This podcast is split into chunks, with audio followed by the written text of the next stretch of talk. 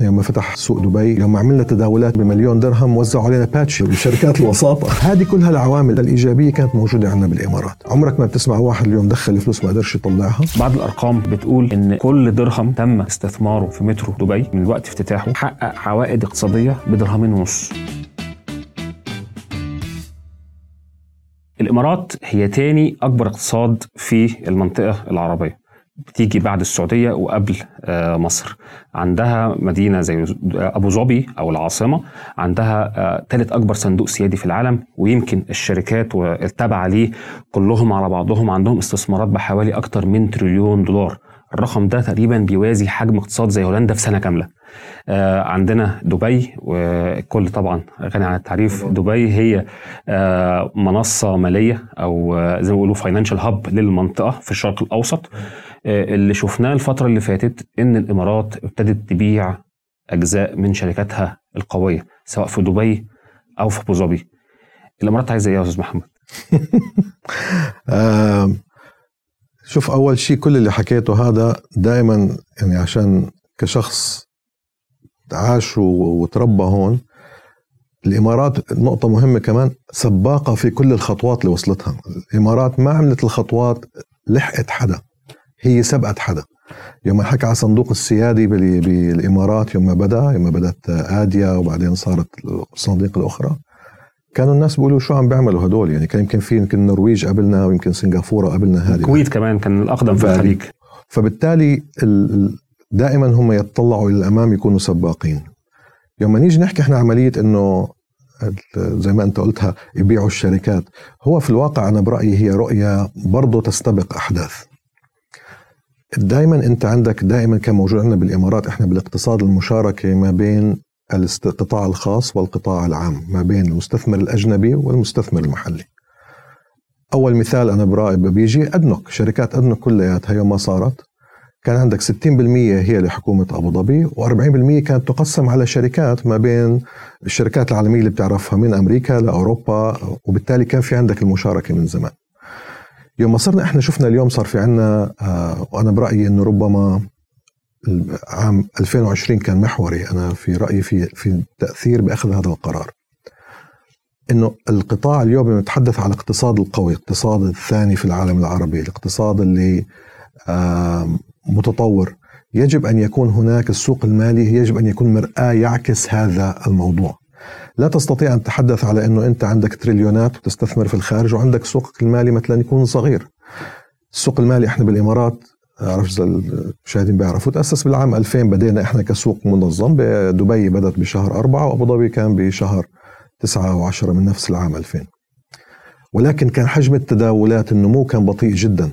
يعني بتذكر إحنا يوم فتح آه، سوق دبي يوم ما صار عندك إنه أول شهرين ثلاثة ما فيش تداولات توصل مئات الألاف من الدراهم. يوم عملنا تداولات يوم بمليون درهم وزعوا علينا باتشي بال- بشركات الوساطة. يعني عشان تعرف قديش كان انه إنه إنجاز لأنه كان في تحدي إنه تقنع الناس أنت اليوم بالأسواق المالية. أنت مش قرار بتاخده جهة واحدة بتاخده والكل بيمشي وراها لا.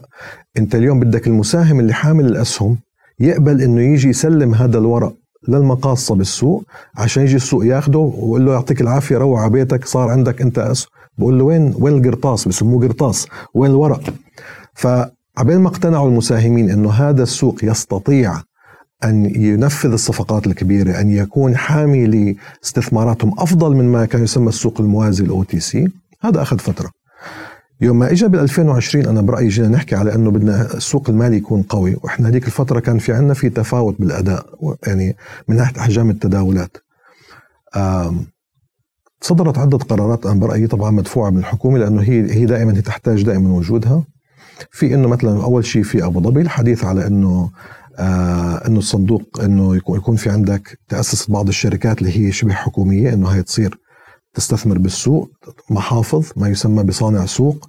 آه رغبة الحكومة ببيع جزء من هاي الشركات وتحويلها إلى مساهمة عامة بيع جزء منها.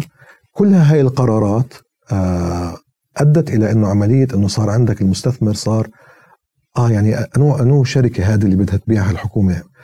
لما بدت أول ما بدينا أهم وحدة أنا برأيي ربما اللي أعطت الفكرة ال- الجيدة على جدية الحكومة في بيع الشركات الجيدة هي ادنك للتوزيع إنه أنت شركة بترول. أدنك للتوزيع اللي هي مسؤولة عن محطات البنزين داخل الإمارات وتحديدا في أبو ظبي وفي الإمارات الأخرى بالظبط. الثانية فهي مسؤولة عن توزيع ال- البنزين. يعني المحطات اللي أنت بتشوفها ديت هي أدنك للتوزيع مزبوط وكان وقتها عندك كان في عندك أزمة البترول فصار عملية إنه ادنك بدها توزع حتى جوا الإمارات مش بس بأبو ظبي. أخذت أراضي في دبي تعمل بدبي وأخذت الإمارات الشمالية أيضا. فصار عندك إنه شركة موجودة على مستوى الإمارات. ولكن المهم إنه هي في قطاع البترول. يعني أنت بتعرف إنه تيجي تقول إنه أبو ظبي عم عم بتشاركني بتشارك. فكان في بيع جزء هو بدأت ب 10 أو 15% وبعدين رفعوه ل 25 يوم سمعوا المستثمر هيك قال لك لا أنا بدي أشارك لأنه أول شيء هذه أنا بشارك الحكومة. واللي بشارك الحكومة بيخسرش يعني في المنطقة هيك. لأنه عندك مصداقية عندك دعم. ثاني شيء هاي الشركة 75% حيضل الحكومة فيها. بالتالي هي مدارة وهي ستكون مصلحتها تتوافق مع مصلحة المساهم الفردي اللي جاي إنه لازم لسه الشركة تعمل فلوس لأنه هاي بدها تكون إيراد إلي وللدولة. دخول الناس في هذه الاكتتابات تحقيقهم أرباح رأسمالية من عملية رفع الارتفاع سعر السهم والأهم برأيي إنه ال- القرارات اللي أخذتها هاي الشركات إدارتها في إنه تلتزم بتوزيعات معينة لمدة ثلاث سنوات أو خمس سنوات.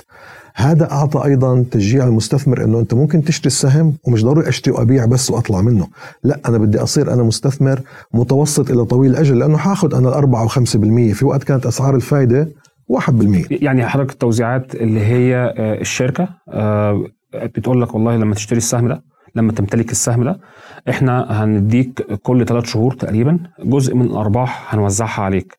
فمثلا حضرتك بتتكلم في 5% فلو كان السهم ب 100 درهم فأنت هتاخد 5 درهم مثلا في السنة. آه وتتوزع على كل ثلاث شهور تقريبا يعني. وده شجع الناس إن هي تشتري نعم. ال- الأسهم جزء جزء من من التشجيع يعني. شور النقطة, النقطة اللي بتقولها مهمة اللي هي توزيعات أو ما يسمى ريع السهم.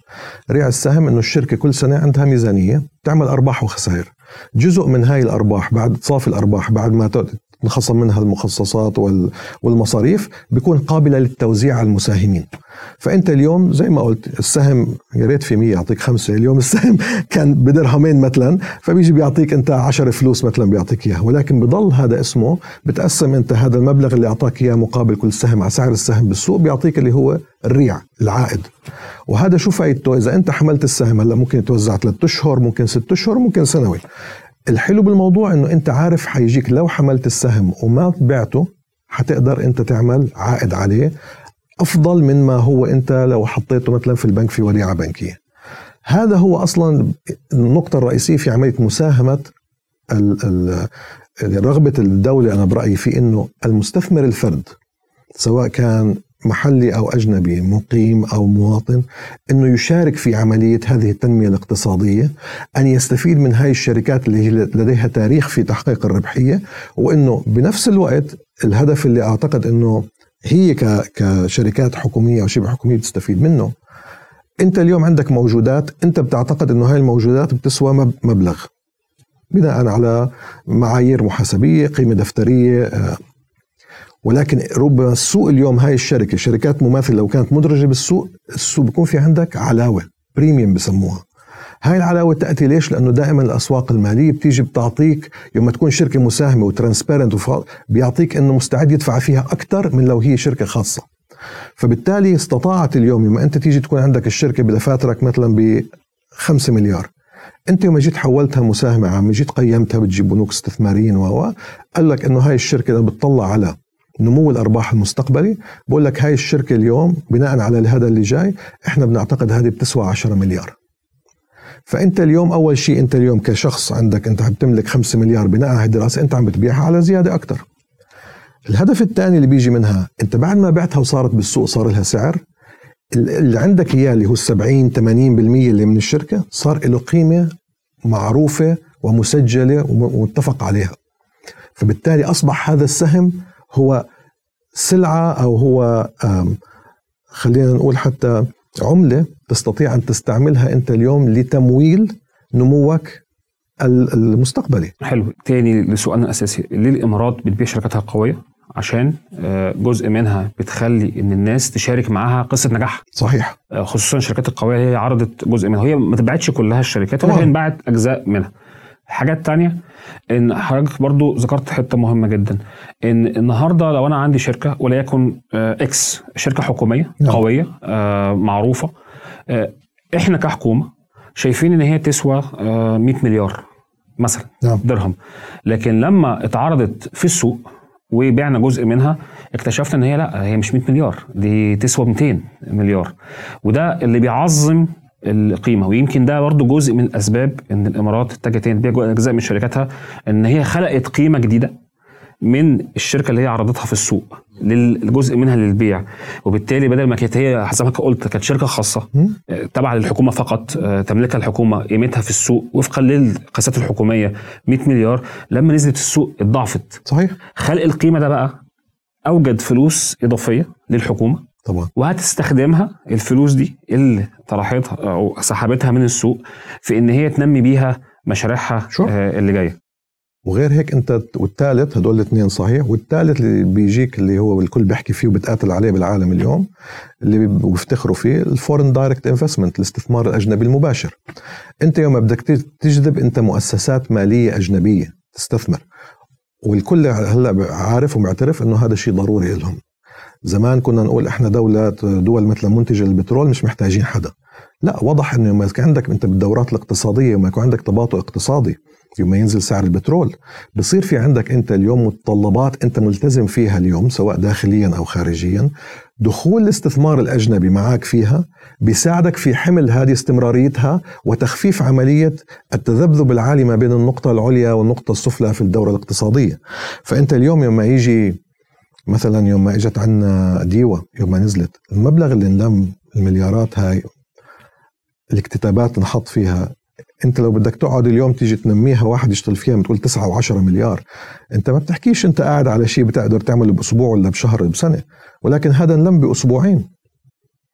هلأ هذه كلياتها اليوم غير الثلاث النقط اللي إحنا حكينا فيها الفوائد النقطة الرابعة إنه عم بخلق عندك سمعة سيمنتس أو إنه يثبت سمعتك أنت كدولة إمارات كهذه الإمارة هاي الشركة إنه أنت اليوم اليوم لك مكانة ولك دور في هذا الاقتصاد العالمي.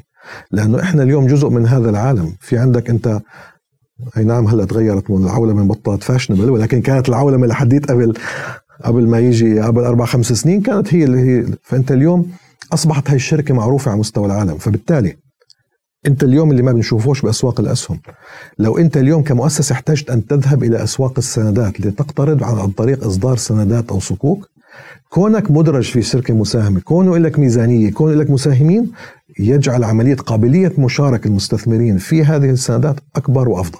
يعني مع بمعنى أصح إن الدولة زي ما حضرتك قلت تقدر إن هي تستخدم ال- الاكتتابات دي كعملة في على على الصعيد العالمي وده كمان آه، كعملة يعني معنى إيه؟ معنى ان الدولة لو فكرت إن هي في يوم حبت تق- تقترض من الخارج نعم آه، فطب أنت تملك إيه؟ وريني أنت تملك إيه؟ فلو قلت لك والله أنا عندي شركات مش معلنة ومش مدرجة فأنا ما أعرفش مدى مصداقيتها، لكن لما. يكون عندك شركات قوية آه، مدرجة في السوق يعني موجودة في البورصة وكل مطلع على أوراقها وميزانياتها وبالتالي أنت بتديك مصداقية أكبر طبعا وبتديك زي ما بيسموه هو التصنيف الائتماني اللي هو أنت جودتك قد إيه؟ أنت درجة أولى، أنت بالظبط. حاجة فاخرة جدا وبالتالي آه، أنا مش هاخد منك فايدة كبيرة لما أجي أسلفك وبالتالي أنت شخص مضمون لأنك عندك أشياء حقيقية وأشياء ليها قيمة آه، موجودة.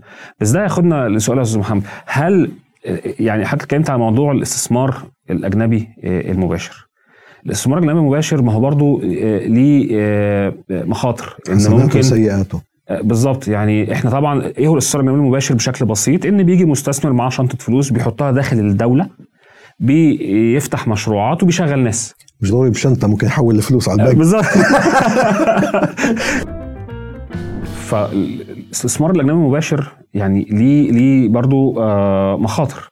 فإيه اللي يخلي المستثمر الأجنبي إن اولا يفكر إنه يجي بشنطة فلوسه جوه البلد ويشغل الناس ويفضل قاعد معانا. يعني إيه الإمارات اللي بتقدمه للمستثمر؟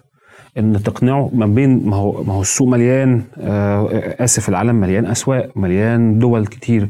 بس إيه تحديدا الإمارات اللي تقدر تعمله تخلي الراجل ده يجي يستثمر ويغامر؟ أنت عارف رأس المال جبان يغامر ويحط فلوسه في الإمارات ويقعد يستقر فيها. شوف هو سؤال سؤال مهم جدا طبعا عملية والكل عنده وجهة نظر يمكن الموضوع بس أنا حقول لك أول شيء بنرجع للبيسكس. أنت أي إنسان بده يروح يحط فلوسه بمحل يستثمر بده يربح. مش يربح. فلو الإنسان ما بحس حاله حيربح ما بيروح. وإذا صارت ولدت سمعة عندك إنه أنت الناس بتروح تحط عندك فلوس وبتخسر حتخسر أنت بكرة الناس. so it's reputation السمعة. هل أنت اليوم ما تيجي تحط الفلوس عشان تربح؟ هل أنت بدك تحطها على المدى القصير ولا بدك تحطها على المدى الطويل زي ما أنت قلت؟ أنت اليوم كدولة كشركات هم محلية بدك اياه مستثمر يكون على المدى الطويل. لأنه يوم يكون مدى طويل عملية الفلوس ما بتضل داخلة طالعة بسرعة. تسبب لك تذبذبات. وهذا اللي بنشوفه مرات بسموه بالهوت ماني بالأسواق المال. هوت ماني لما تيجي عندك مضاربات بسرعة بتيجي ست أشهر بتنسحب. فجأة بتقول ليش طلع السوق هيك وكيف نزل هيك؟ وشفناها إحنا هون باسواقنا لأنه إحنا كنا بدينا نعتبر أسواق لسه جديده زي ما قلنا بال 2000 يعني بال 2005 و2007 و2008 ما صارت الأزمة العالمية. إحنا في شهر واحد من 2008 تداولت أسواق المال ب 100 مليار درهم وهذا الوقت كان أعلى من تداولات السوق في سنة مضت وأعلى من تداولات السوق السعودي في نفس الفترة. كانت تعتبر تاريخية إلنا بس الكل يستغرب يقول من وين إجت هاي الفلوس؟ يعني ال 100 مليار بال 2008 يمكن هذا زي ما بتحكي أنت هلا على اضربها ب 10 بال 2023 وبعدين اكتشفنا إنه والله إنه كان في يوم شفنا الارتفاع الكبير كان في تخارج لاستثمار أجنبي أكثر ما هو تداخل لأنه صار في عندنا ارتفاع بالأسعار. ولكن الاستثمار طويل الأجل اللي بيجي وين بيجي؟ بيجي بالشركات بالعمل معك الاثنين يعني يوم تيجي أنت زي ما قلنا شركات البترول يوم يجي يشاركك قاعد مثلا باخذوا آه حقوق تم استخراج نفط استخراج غاز آه عمليات بناء في بسموه build operate transfer بعدين اللي صار بمحطات. صار يدخل معك هو اليوم قاعد عم بدخل بحط فلوس قاعد عارف إنه في القيمة عم تطلع عنده بالتالي عم بيجي عائد. هلأ عشان يقدر هو يجي ويضل ويقعد بدك تخلق له أنت أيضا بيئة آه مش بس اقتصادية. بدك أول شيء كمان بيئة اجتماعية لأنه أنت إذا بده يجوا ناس على مدى طويل معناته في في موظفين في عائلاتهم في فأنت بتعمل infrastructure عم تعمل بنية تحتية عم تعمل بتوفر له الحياة الجيدة اللي يقدر تنافس محلات تانية ولا بصير زي مرات آه، بالبدايات مثلا بالسبعينات إنه يجوا رجال مثلا هون يشتغلوا مثلا وتضل عائلاتهم في بلادهم. بس انت اليوم عشان ينمو البلد الاقتصادي يستفيد المجالات الثانية بدك كل العائله تيجي. تستفيد بالمنازل بالمدارس بال, بال... استهلاك بشكل عام. بالضبط بصير عندك صرف استهلاك فبنمو الاقتصاد. والشيء الثالث اللي أعتقد المهم جدا إنه يكون عندك حماية لرأس المال يوم ما يدخل وحماية يقدر يطلع. في كتير بلاد بتلاقي سهل جدا إنه هو يفتح لك إنه عشان تدخل تستثمر. بس تيجي الشركة هاي تكبر وتحقق أرباح وتيجي تبيع بتلاقي مش قادر تطلع الفلوس. مرات لأمور داخلية في تلك البلد ومرات بتكون أمور آه عركسة في عملية إخراج وبالتالي هذا أيضا بولد سمعة إنه مستثمر الاجل ما يجيك. هذه كلها العوامل إحنا الإيجابية كانت موجودة عندنا بالإمارات. عمرك ما بتسمع واحد اليوم دخل فلوس ما قدرش يطلعها. آه بدك تدخل على المدى القصير ولا على المدى الطويل؟ موجود. ولكن نفضل يكون على المدى الطويل. العائد على المدى الطويل اليوم اللي دخل على المدى الطويل قدر يحقق عوائد أكثر كتير لو أخذناها الفترة الطويلة قسمناها سنويا عن لو كان دخل وطلع بفترة معينة. فهذه هي العوامل اللي تخلي المستثمر يدخل ويضل. وإحنا اليوم الحمد لله يعني غير موضوع الاقتصاد أنا أعتقد اجتماعيا إحنا اليوم في منطقة الشرق الأوسط خلينا نقول وربما دول خلينا الناشئه الاقتصادات الناشئة. أنا أعتقد إحنا عندنا هون بنية تحتية مش موجودة بأي محل ثاني الناس أصبحوا يتمنوا أن يكون لهم قاعدة أو بيت ثاني في الإمارات. وآخر سنتين بعد ما شفنا باللي صار من الحرب بأوكرانيا وروسيا أنه حتى في أوروبا أصبح الأوروبي يبحث على منزل ثاني له فهذه أعتقد قصة نجاح وبعد نعود للنقطة الأولانية بعد نظر للقيادة عندنا على تحضير مثل هاي الأمور منذ سنوات سابقة. في أوقات كان تيجي تقول أنت ليش عم بنبني؟ هاي مين بده يجي يسكن عليها؟ عم بنقيس على المعطيات تبعت هذيك السنة. ولكن الحمد لله بوجود القيادات اللي عندنا وبعد النظر عنها اليوم عم بنقول صاروا يطلبوا زيادة بدهم مش مكفي الموجود يعني. يعني دليل على كلام حضرتك كمان زي فكرة رؤية القيادة آه، فكرة المترو دبي مثلا مترو دبي لما طبعاً. اتبنى كان هناك معارضة كبيرة جدا وناس بتقول والله آه، أنت بتعمل مترو مترو ليه؟ يعني مين مين هيركب المترو؟ بالضبط آه بعض الأرقام آه بتقول إن كل درهم تم استثماره في مترو دبي من وقت افتتاحه لغاية سنة 2020 حقق عوائد اقتصادية بدرهمين ونص متوقع إن هذا العائد يوصل لأربعة ونص درهم في 2030 آه، آه، فده بيورينا إزاي إن إن مش بس إن المشاريع اللي اتعملت دي هي ليها عائد يعني ليها خدمت الناس ولكن كمان هي ليها عائد اقتصادي مردود بعض الأرقام بتقول إن المحطات القريبة آه، آسف العقارات القريبة من. محطات المترو أسعارها ارتفعت من 10 ل 30% حسب المنطقة يعني. مظبوط. آه، فكل استفاد. استفادت إن الناس قدرت تاخد مواصلات آه، أسرع آه، إز- ازدحام أقل ب 25% وفقا للأرقام اللي طلعت يعني. فده يورينا إزاي إن حتى الرؤية في على مستوى المشاريع اللي بت- بتتعمل هنا. محمد أنا يعني يوم انعمل المترو وقت انعمل هالعواميد الطالعة هاي يعني كان الكل يقول دخلت في مناطق جوا جوا دبي يعني فكان في عندك آه، خلينا ديسربشن للمرور. المرور فترة كان صعبه عشان بس ولكن هذا كان على المدى القصير لمدة سنة أو سنتين. ولكن شوف اليوم تخيل اليوم لو أنت في دبي ما عندك مترو ولا عندك المواصلات الباصات وعندك اليوم الناس الموجودين شو كان بده يصير بالطرق؟ كان وقفت. فبالتالي اليوم عملية التطور عملية بعد النظر هذه أساسية في نجاح يعني في نجاح آه، أي أي دولة طبعا.